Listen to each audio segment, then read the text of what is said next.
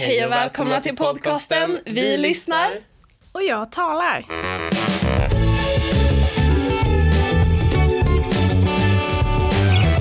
Dagens gäst är legitimerad psykolog i augusti. Hon är en glad och sprudlande tjej som har svaren på alla våra frågor angående psykisk hälsa. Vi är så glada att ha dig här.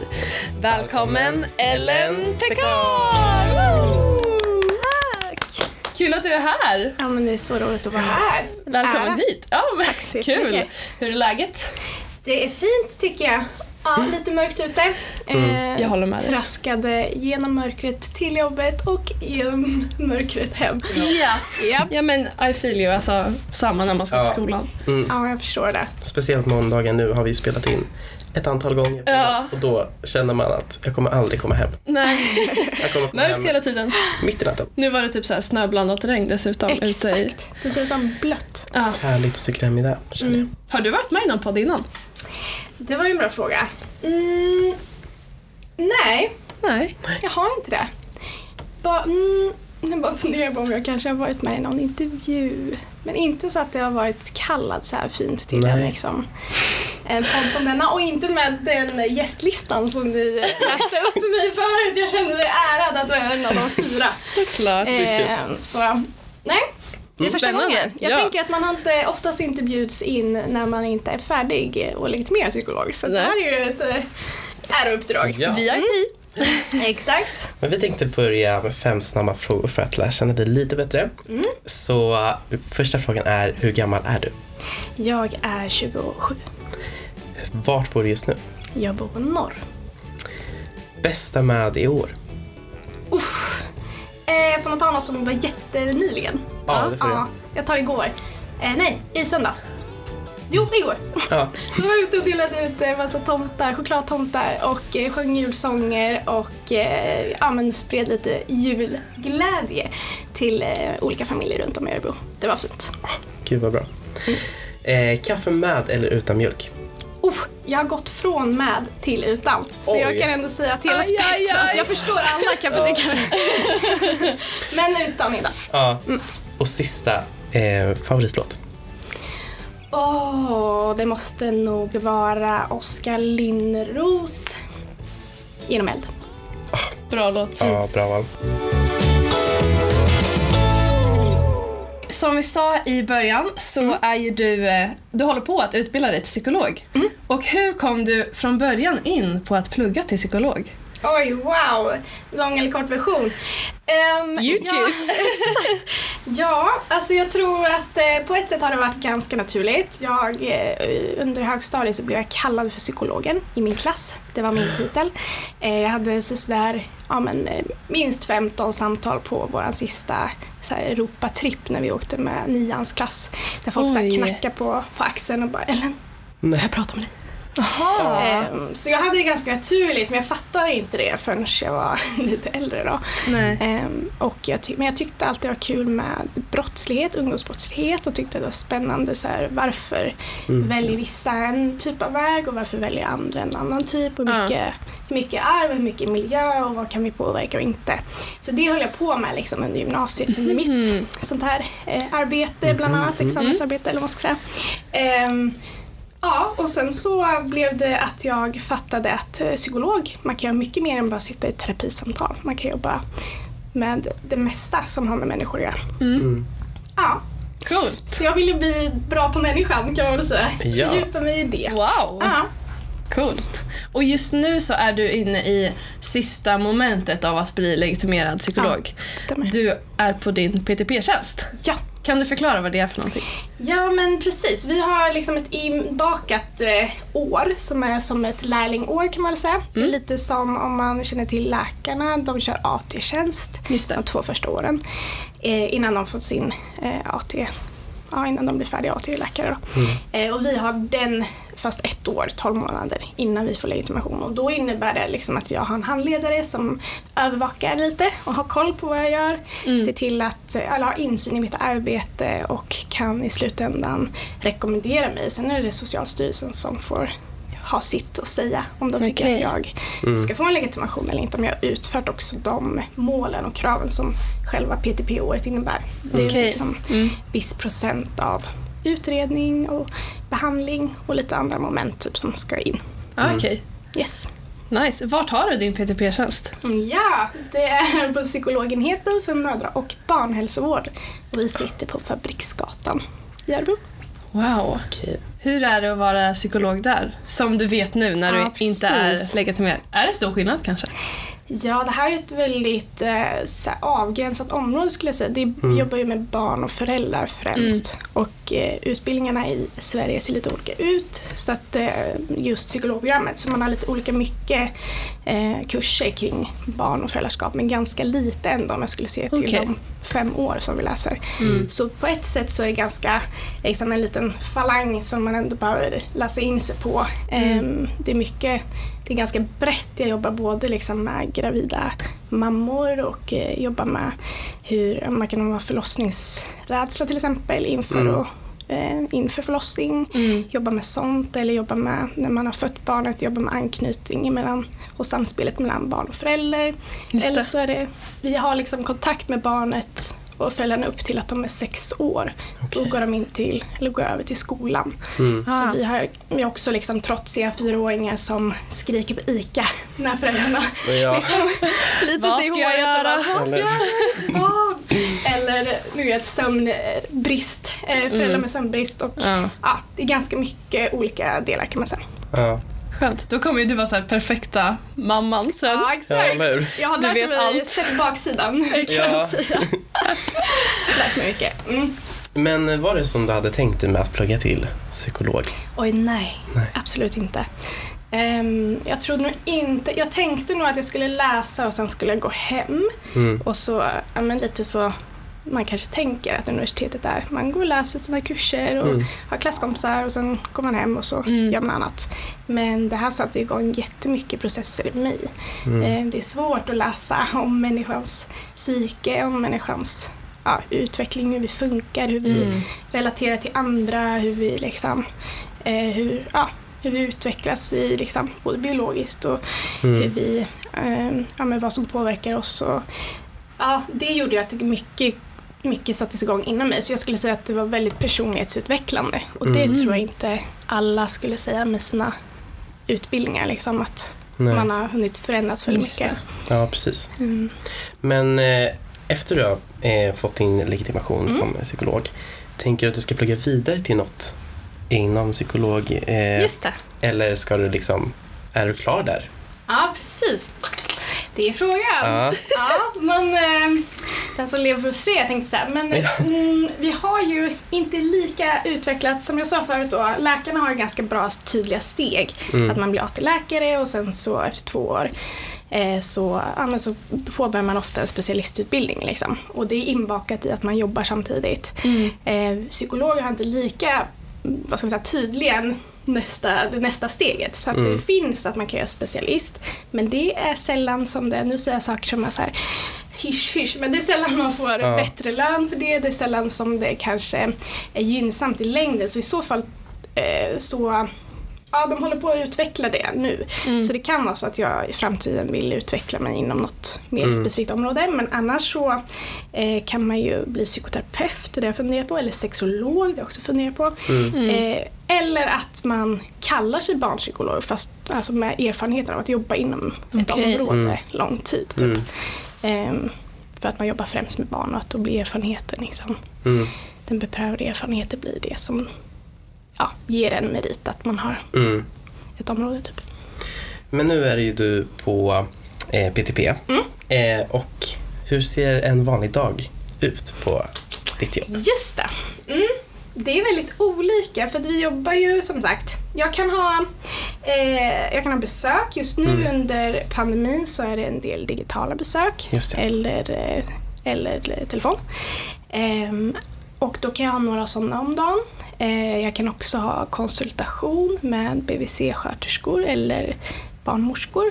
Ehm, och de, jag är liksom kopplad till en BVC-central som är alltså där man ska säga ehm, dit man går när man är förälder på olika hälsokontroller med sitt barn. Mm. Eh, upp till barnet är sex år så har man olika sådana möten liksom, på BVC. Och de BVC-sköterskorna har jag konsultation med eh, och där de tar Okej. upp ärenden och så här, Mm. ja, men, vi har sett det här, den här mamman verkar må så här eller den här pappan så här, hur ska vi göra, skulle de behöva träffa en psykolog? Mm. Eh, då kan jag få ärenden därifrån. Liksom. Och då har jag en, en BVC-central som jag har mest ansvar för. Det innebär också att de hör av sig liksom, ja, när de upptäcker någonting eller när de Mm. behöver ja, tips och råd. Och, ehm, så det kan vara dels det. Och sen kan det vara att man sitter med BHT och det är barnhälsovårdsteam. Och det är någonting som man har ett typ samverkansmöte kan man säga mellan socialtjänst, eh, läkare, barnläkare och sjuk, BVC-sjuksköterskorna och psykolog, kuratorer och förskolechef brukar vara med. Mm. Eh, så man har liksom en träff eh, och så pratar man om ärenden som är lite tuffare, alltså där man kanske har Ja, men det kan finnas eh, annan social problematik eller Mm. kanske ekonomiska svårigheter. Alltså tuffare omständigheter som gör att man behöver lyfta och samverka mellan olika instanser kan man säga. Mm. Eh, och då sitter jag med som representant som psykolog då och kommer med mina, ja, min kunskap. Okej. Mm. Coolt. Mm. Så det är lite sådana möten och, lite, och mycket träffar och såklart med Ja. föräldrar. Och, Vad har du gjort idag? Eh, idag har jag haft, eh, ett, eh, ja, men jag har haft träffar med eh, familjer, Mm. konsulterat och ja, lyssnat på deras tankar och funderingar, vridit och vänt, eh, gett tips. Och eh, sen har jag haft en del journalföring. Det är ju också sånt som tar tid. Mm. Eh, och eh, ja, det är typ det jag har gjort. En stor blandning med andra ord. Ja, det är det faktiskt. Vad kul. Wow. Vi gör ju den här podden i, um, och kopplar till ett ämne som heter estetisk kommunikation Mm. i eh, skolan. Mm. Och eh, där handlar det mycket om att stå på scen eh, Yes. och framföra ett budskap eller ja, men sjunga en låt eller ja, men bara känna sig bekväm på scen helt enkelt. Eller det behöver inte ens vara på en scen utan bara framför Ja. en publik. Oavsett vad man gör. Exakt. Och då har jag och Karl pratat mycket om så nervositet Mm. och hur det påverkar hur man, hur man beter sig på scen typ. Mm. Och vad är det som händer i kroppen eller hjärnan när man blir nervös? Ja, det slår slint. Nej. Nu kommer svaret. Så, exakt, nu kommer svaret. Men det kan jag tänka att alla kan känna igen sig i. Att man liksom, ja, det kan bli liksom att man får fysiologiska symptom, att man börjar svettas, man Mm. börjar liksom hyperventilera. Det här beror lite på hur nervös man blir. Liksom. Mm. Jag tänker att man, folk kanske som lyssnar kan känna igen några. Mm. Eh, att man liksom eh, har svårt att tänka, man har svårt att koppla, liksom, så här, vänta, vänta, vad skulle jag göra nu? Och så, uh, uh, uh, så allting liksom blir en enda röra. Eh, att man, eh, ja, men hjärtat slår snabbare, blodet forcerar ofta snabbare och då också på grund av det. Och eh, man kan känna lite illamående, man kan känna, ja det finns väldigt mycket symptom Ja. Av eh, vad som händer fysiologiskt i kroppen. Mm. Ehm, och det kan ju bero på att man, eh, ja, vi som psykologer brukar ju prata om kamp och flyktsystemet i Mm. Okej. kroppen. Att det finns ett fight or flight system. Så att när vi möter och vad ska man säga, när vi avläser någonting som ett hot, vilket eh, man skulle kunna säga att ställa sig på scenen eller liksom Mm. att man föreställer Ja. sig så här, "Uff, jag ska stå för massa människor och Mm. de kommer utvärdera mig och jag kanske sjunger falskt eller Mm. dun, dun, dun. Eh, att det kan upplevas som ett hot och när, och när vi liksom avläser något som ett hot så är det ungefär typ som att träffa en björn i skogen. och Mm. hela kroppens liksom, Mm. inbyggda system är lika gammalt liksom, som, eh, som mänskligheten och det innebär ju också att, att eh, de hoten som, som, man, eh, som vi möter nu kanske inte var samma för hundra år sedan. Mm. Men eh, ja, så vi låtsas att den här björnen kommer då. Eller att jag tänker på att ja, nu ska jag upp på scen om en Mm. kvart. Liksom, Mm. Vad händer? Eh, då kickar det igång. Att antingen så vill vi fly ifrån platsen eller så stannar vi kvar och fightas. Liksom. Det är det, Mm. de två utfallen.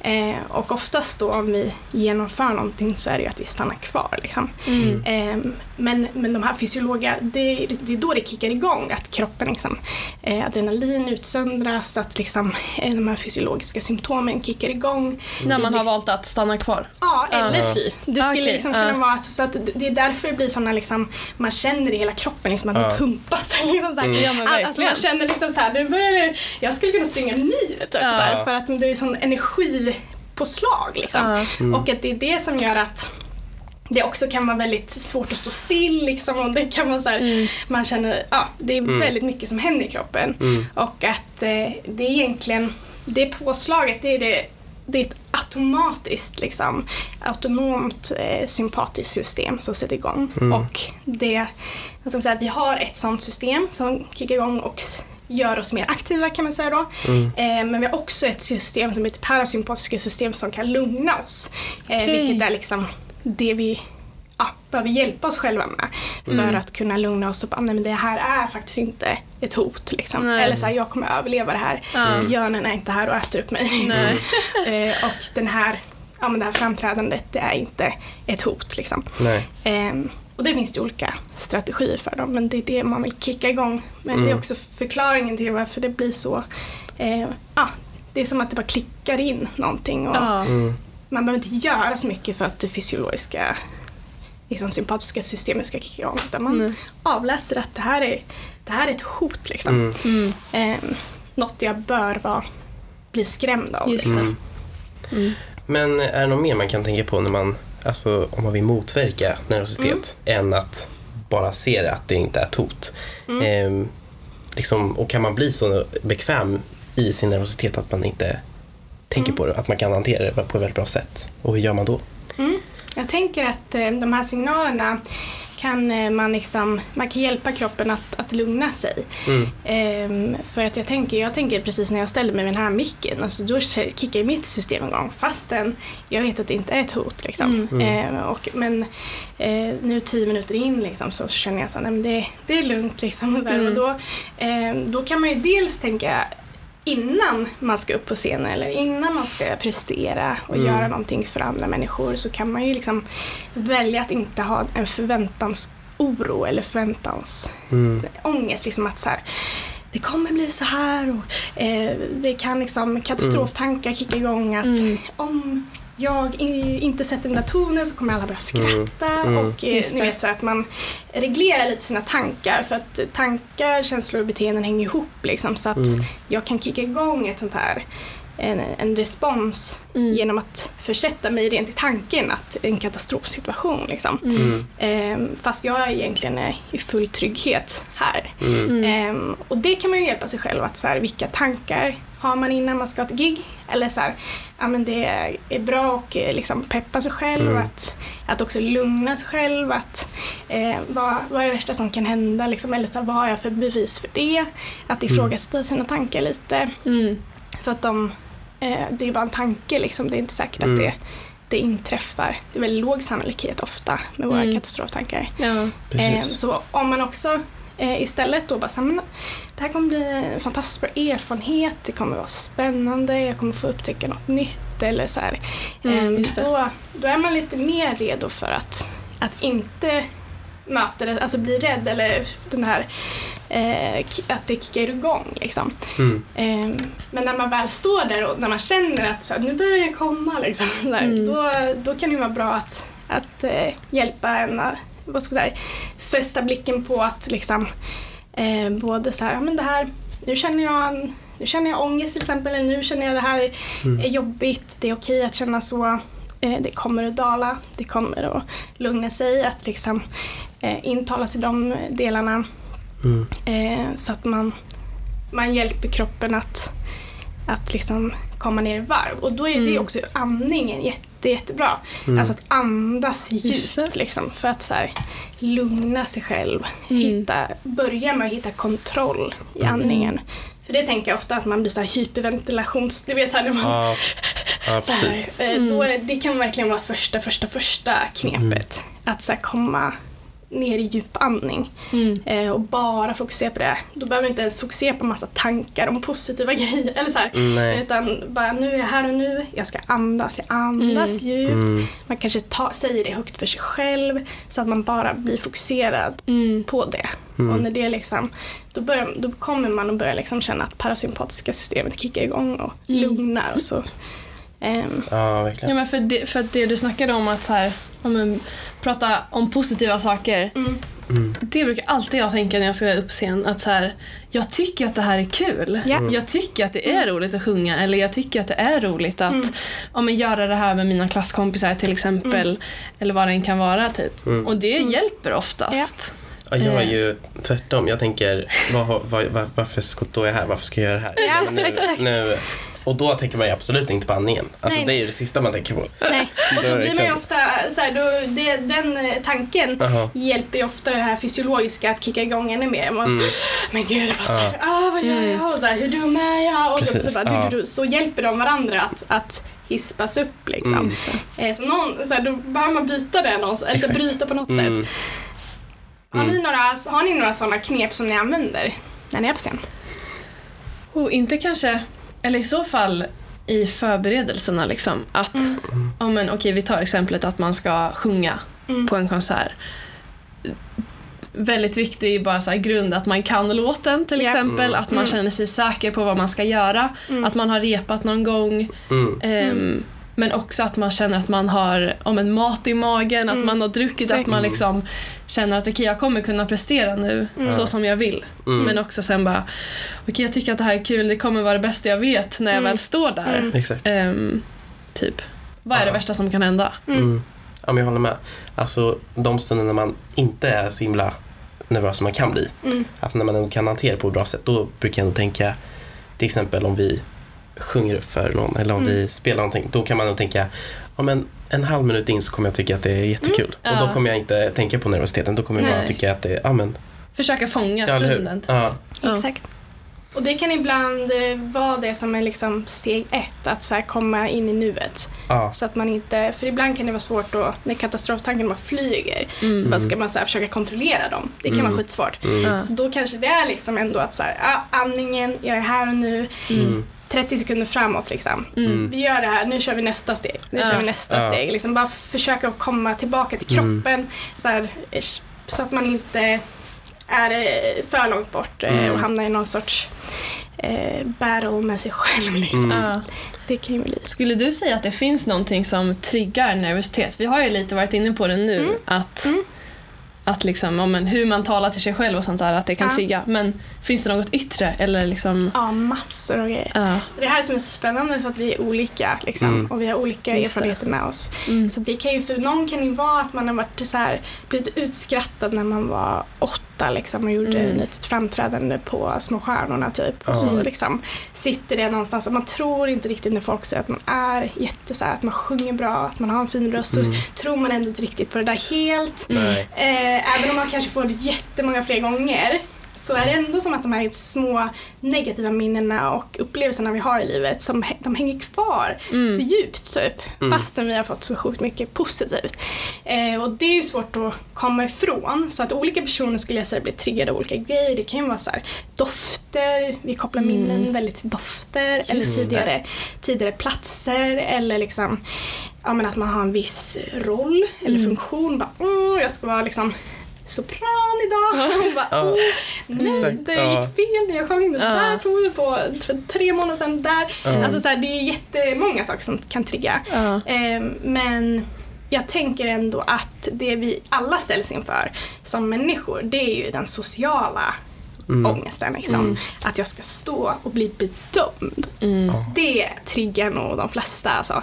Eh, att så här, ja, vad ska de tänka om mig? Vad ska de Mm. tycka om mig? Det kan Och jag hålla med om. den och så här, tänk om jag tappar orden. Tänk om jag, alltså det där, Mm. eh, det skulle jag säga även om du är föreläsare eller om du eh, ja, men ska typ så här, säga någonting i styrelsen liksom, när du sitter i någon förening. Alltså det kan ju verkligen vara supersmå grejer men när, plötsligt när det finns Verkligen. människor runt omkring då blir man ju liksom bedömd och Mm. uttittad. Och, och det där tror jag, det är en trigger för Mm. oss alla nästan. Mm. Ehm, vi vill ju liksom bli accepterade av flocken. Mm. Känner du nervositet ibland? Alltså, Absolut. som psykolog? Absolut. Mm. Alla gånger nästan jag ska Ja. göra något. Gjorde ju det här med micken liksom. Ja. Då är det bara ni två här. Ja. Nej, men det, och då har, man, då har jag ändå övat en hel del. Liksom. Mm. Eh, så jag kan tänka också när jag läst intervjuer om artister och så här att det är många som känner det. Alltså att man, eh, man kommer inte bort ifrån det helt för det och finns också forskning som visar att man presterar bättre när man har en lagom nivå Mm. Ja, av liksom, Det har man hört. och- Ja, Precis. Alltid mamma och pappa, det är bra att du är nervös. Man bara, Mm. sluta säg inte så. Exakt. Nej, men det är Ja. inte farligt om man känner att man har någon kontroll, tänker jag. Då blir det Mm. ju inte övermäktigt. Det är ju när det tippar över det blir sådär mycket så att man känner att man tappar kontrollen. Ja, mm, Så att det kan man ju också någonstans här, i förväntansoron, om man är lätt att liksom, mm, bli nervös långt Mm. innan. Att bara så här, men jag har klarat det förut, Mm. min kropp klarar mycket mer än jag tror, mm.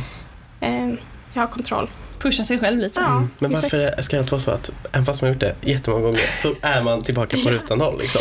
Ja, Det är liksom, varenda gång. ja. Ja, ja. Det, Men det är lika kul varenda gång Eller- också.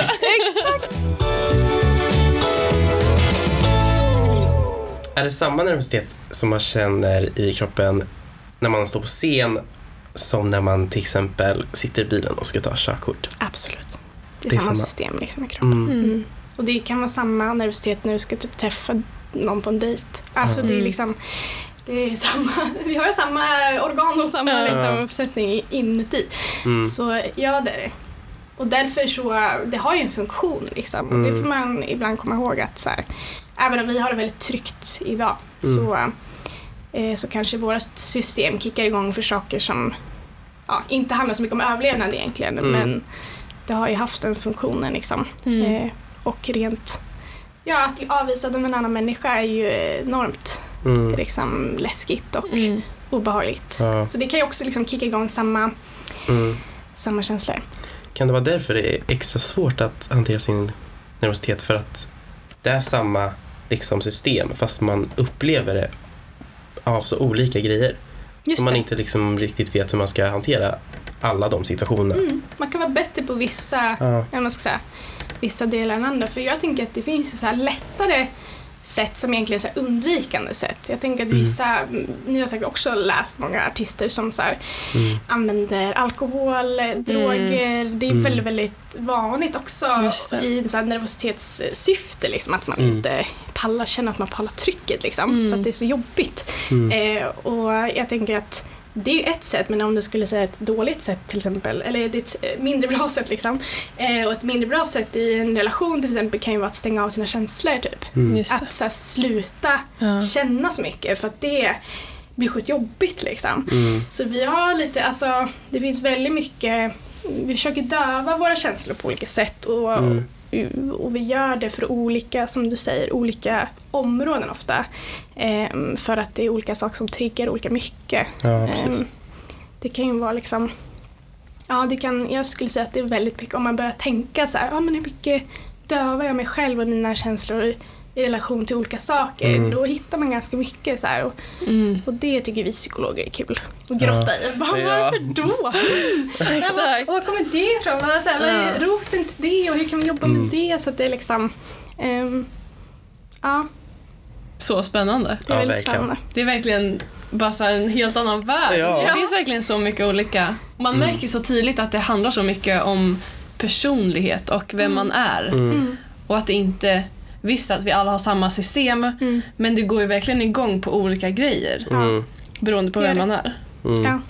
Och det finns ju cool forskning som är så här, eh, tvillingstudier och så, där man kan se liksom att eh, man, det finns ju alltid i psykologins eh, värld så är det så här, alltid en battle mellan vad, liksom, hur mycket av oss människor är styrt av vår, våra gener, vårt arv och mycket Mm. styrt av Just vår det. miljö. Liksom. Mm. Och den här, den här liksom, fighten har ju Mm. pågått länge och, och det har varit liksom Vissa tider har det varit mest arv och sen har det kommit mer till miljö och sen, nu är det typ 50-50 nästan i alla resultat som Okej. kommer fram. Mm. Eh, och de eh, som då tycker att så här, det är generna, det är arvet som styr, de har gjort, eh, baserar ofta på tvillingstudier. För att då har man ju Mm. liksom enäggstvillingar som har exakt samma genuppsättning men så Ah. kollar man på de som har separerat från födseln som inte vet om att de har syskon. Mm. Och sen så har man följt deras liv och sen så har man liksom träff, alltså låtit dem träffa varandra senare. Mm. Mm. Och så jämför man och bara så här, ja men då har de utbildat sig till samma sak, de har skaffat en Aha. fru som heter samma sak, eller så Nej, de har riktigt? döpt sina barn och samma What? grej. Alltså det är så här jättedetaljer. De har Du köpt samma skämtar. bil och liksom så här likadana grejer. Och Oj. då blir man så här, va? Typ så här, Ja. de, fast de är uppvuxna helt på, olika miljöer, olika familjer, Exakt. olika Mm. platser. Så är det fortfarande så. Så det finns, ju liksom, det finns ju lite av det där då som du säger, bara så här, ja, men mycket som kan, kan påverka oss och samtidigt Mm. så, ehm, så finns det liksom en hel del vi får med oss också, Mm. bara rakt ifrån våra föräldrar och Mm. det kan ju också vara en skörhet. Mm. Det, om man har jättesen skräck då skulle jag tipsa och fråga en förälder typ så här, Mm. Hur har du gjorde du? Ja. Så här, Ja. Har du också varit rädd för det här? Ja. Min mamma satte mig i teaterklass när jag var nio för att Mm. hon själv hade dålig erfarenhet av att stå inför en klass. Typ. Hon bara, min dotter ska aldrig... så att jag fick ju gå tio år i teaterskola. Oj. Så Hjälpte det? Var ja, det skulle jag. Ja. Mm. Det gjorde det. Wow. Ehm, Vi ska gå på teater. Ja, nu. ja, väldigt Nu kul. när vi är nästan 19, ja ja.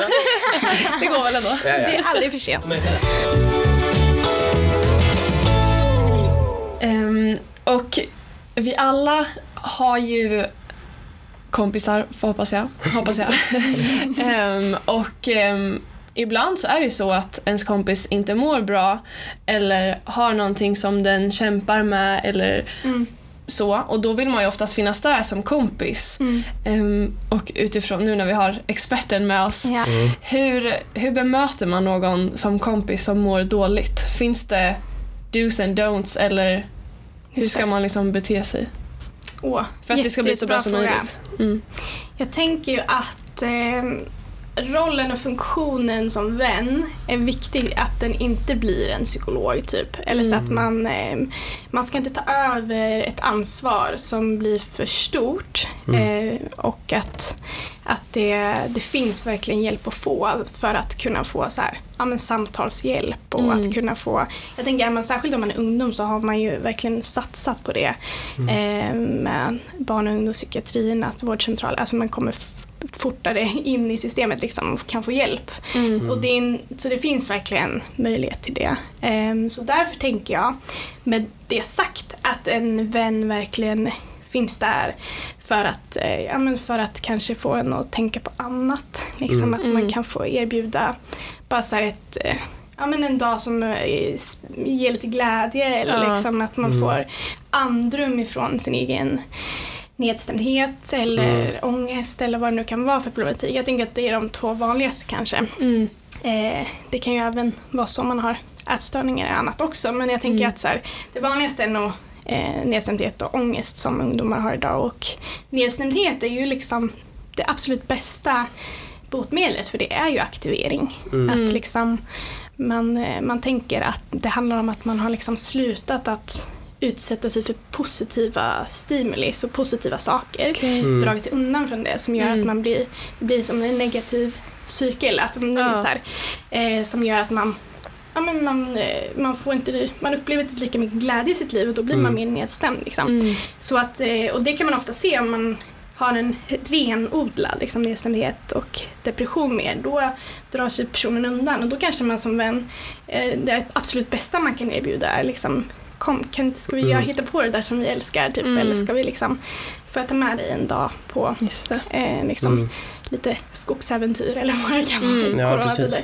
Eh, men om det eh, är en mix och man inte vet vad och man liksom, då tänker jag att man skulle kunna liksom, eh, få ofta ha en vän förtroende Mm. och då kan man ändå ta reda på det. Liksom. Vad, Mm. hur, hur mår du? Vad händer? Just det. Eh, och sen skulle jag ta det med en vuxen liksom, Mm. och bara säga okej, det här, så här verkar det ligga till. Liksom, Mm. vad ska vi göra? Eh, Mm. aktivera nätverket som finns Mm. runt omkring. Eh, och är det så att personen inte har ett liksom, stabilt nätverk eller föräldrar som finns närvarande eller liksom, att det inte skulle gå den vägen så tänker jag Mm. att man, man kan använda sig av skolkurator eller liksom, koppla in elevhälsoteamet finns ju på alla skolor och där måste det finnas en tillgång till en psykolog till exempel. Mm. Mm. Ehm, så att har man det runt omkring sig så tror jag att man så här, jag skulle tänka så, Mm. eh, koppla till rätt, rätt eh, liksom, hjälp. Mm. Eh, och att man som vän kan, det är klart att man inte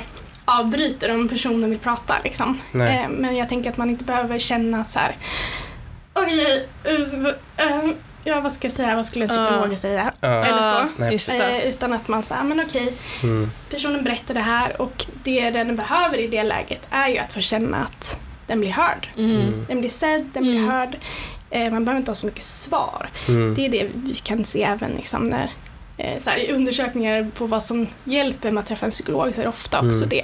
Att liksom, man får bli sedd och hörd, att man blir validerad brukar vi kalla det. Att, ehm, Mm. ja, men man, man behöver inte alltid få så mycket tips Just det. på hur man ska ta sig ur det. Nej. Och det tänker jag, så här, ta bort pressen att jag ska ha alla svaren. För då Mm. kan man också fråga, Mm. hur mår du? Och bara lyssna och bara så, åh, Mm. det där låter tufft liksom. Mm. Hur, så här, ska vi koppla in någon liksom? Mm. Ska vi... Och våga som vän våga koppla in någon. Ja, Eller jag tänker liksom precis. våga ta steget att göra det också. Ja. Så att man inte bara känner okej det är jag som måste ta det här ansvaret nu Exakt. utan det finns verkligen hjälp att få. För att ta Exakt. ansvaret själv är väldigt jobbigt. Ja. När man liksom känner precis. att okej, nu ligger allt på mig. Liksom. Mm.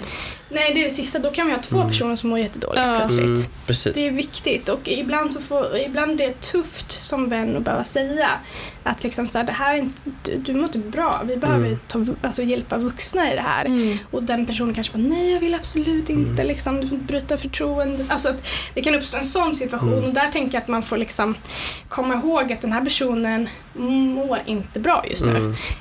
Eh, att så här, jag tänker att ibland behöver man liksom eh, ändå agera och säga att, att så här, ja, jag finns med dig. Eller vi Mm. gör det tillsammans. Liksom, Ja. att så här, Exakt. det kan inte stanna hos oss. Mm. Ehm, och det tänker jag är bra att veta också att så här, om det uppkommer att en, ehm, ja, men om ett, en kompis har självmordstankar eller liksom Mm. att det kommer upp sådana grejer så, Mm. så här, behöver man inte vara rädd för att prata om det kommer förvärra det. Alltså att Just det det. liksom gör att nu kommer det här liksom, Bra. nu är det en riktig liksom tickande bomb och om vi Mm. pratar om det så blir det Mm. värre. Mm. Eh, det visar inte statistiken utan det visar ofta att det liksom, när man får prata om det så, eh, så påverkar inte det negativt Mm. utan snarare tvärtom. Eh, Bra grej. men Mm. oavsett, eller så, här, så behöver man leda det vidare liksom, till Mm. en Ja. vuxen. Så att man kan eh, Ja, inte verkligen. veta om det själv liksom, och Mm. gå med att så här, jag vet inte vad den här personen kommer göra. Utan Mm. då tänka aktivera de eh, ja, men skolpersonal man har runt sig eller liksom Mm. kurator, föräldrar, nätverket så att man får Mm. hjälpa personen. Så att den får den vård den behöver. Liksom. Mm. Eh, det ska man inte bära själv. Nej. Nej. Som psykolog, har du Mm. upplevt något liksom så här, nu vet jag inte alls vad jag ska svara Säga. eller ja, nu blev det jättesvårt här. Ja, varje dag. Mm. Och vad, vad kan det vara för ärlig. exempel? Liksom?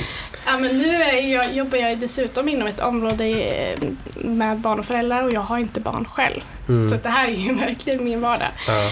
Eh, Mm. Med föräldrar som frågar liksom, hur ska man hur ska man göra med ett eh, barn som vill sova i sängen fortfarande? Och bara, Mm. åh, vi kan inte sova. Och, vi ska... och jag bara, mm, hur hade jag gjort? Ja. Nej, men så här, hur? man alltså, åh, hur ska jag, så här, vad ska jag tipsa som psykolog? Vad vet jag om det här området? Mm. Alltså, det, det är ju, så man måste ju liksom, jag möter det verkligen varje dag. Men då har Mm. jag ju som tur är både så här, en handledare jag kan bolla med, jag kan säga liksom att så här, det, det där är en jättebra fråga. Liksom. Jag, eh, jag återkommer om det nästa vecka när vi snackar Mm. igen. Eller så här, att ibland eh, så får man, jag tänker att jag bygger min kunskap samtidigt som jag eh, gör det här PT-året. Mm. Så på ett sätt så, eh, så tänker jag att liksom man kan, jag kan använda mina kollegor, jag kan använda Mm. kunskap. Så ofta, varje gång jag haft ett ärende eller haft samtal så leder det till att jag måste djupdyka i någonting efter för att så här, Ja. eh, lära mig mer. Mm. Men eh, jag tänker att också i det läget att kanske eh, det kan vara bra att bolla tillbaka. Typ så här, ja, men Mm. okej, vad, vad tänker ni är om de olika alternativen? Eh, jobba utifrån deras värderingsgrund. Ja. Till exempel, vad, vad, hur vill de ha det hemma? Mm. Alltså att man, eh, det är inte alltid så att psykologen sitter på svaret utan Nej. ibland kan man hjälpa personerna att komma fram till det de själva liksom någonstans Mm. kan eh, stå för och eh, den tillvaron de vill ha. Ja. Om vi inte nu pratar om så här, att de slår sitt barn. Nej, men ni, ni förstår vad jag menar. Ja, att Så här, det mm. liksom handlar om, ja, men, vill vi att barnet eh, sover med sin säng i vårt sovrum eller vill vi inte det? Mm. Hur länge vill jag amma som mamma? Hur Mm. länge vill jag inte? Alltså, Mm. Det finns så mycket som blir individanpassat Exakt. ändå. Mm. Så det mig hjälper att när jag sitter upp bara som ett frågetecken Mm. då hjälper det mig att bolla tillbaka frågan Mm. och försöka utveckla deras svar och se Mm. om vi hittar något där. Ja, Wow. Bra grej, bolla tillbaks alltså. eller hur? Mm. Vad tycker du Carl? Jag tycker... Ja. Okej, som en avslutning. Du ska få ge ett tips. Oh, Utifrån ditt jobb som psykolog. Mm. Det kan handla om vad som helst. Men om du får ge ett tips till de som lyssnar på podden. Vad skulle det vara? Drömvirvel. Ja, exakt! Det är det ni bidrar med som esteter. Ehm, Åh, vad skulle jag vilja tipsa om? Ja, jag tänker att eh, särskilt nu under det här året och pandemin så tänker jag verkligen att eh, våga, våga prata med varandra. Mm. Eh, att så här, både Ja, men alla behöver vi beskriva våra känslor och bli hörda och sedda Mm. och att det om vi, ska, om vi som psykologer ska behöva ta alla så här, samtal efter den här Mm. pandemin så eh, kommer det bli kaos. Vi är alldeles för få. Mm. Men det är så mycket man kan göra som eh, bara en vän eller eh, en familjemedlem eller så här. Mm. För att ofta är det inte så mycket mer än att man behöver bli hörd i det Mm. man säger liksom. Och att eh, det lättar mycket. Mm. Och det tänker jag att vi kan öva upp, även om det är via Zoom eller ett telefonsamtal eller att man liksom eh, skriver eller hur det kan vara. Så Mm. tänker jag att, så här, att våga prata med de man har runt sig. Och sen tänker jag det andra, att, att uppmuntra liksom. Så att det blir en, någonstans en kedja av att man, man får snacka om det som är jobbigt men får också peppa varandra. Ja. Eh, de två grejerna tror jag är det jag vill skicka med. Våga prata med varandra och uppmuntra varandra. Exakt. Bra tips. Väldigt bra avslut på det här samtalet tycker jag. Ja, men så fint Tack så här. mycket Ellen för att du var här. Kul! Jätte, jätteroligt. Tack till er som har lyssnat också. Ja, verkligen. Sista poddavsnittet. Ja. Wow. Eller? Eller, Det här blir en succé, exakt. Absolut. Super, tack så mycket. Tack så mycket. Tusen tack. Ha det fint. Hej då.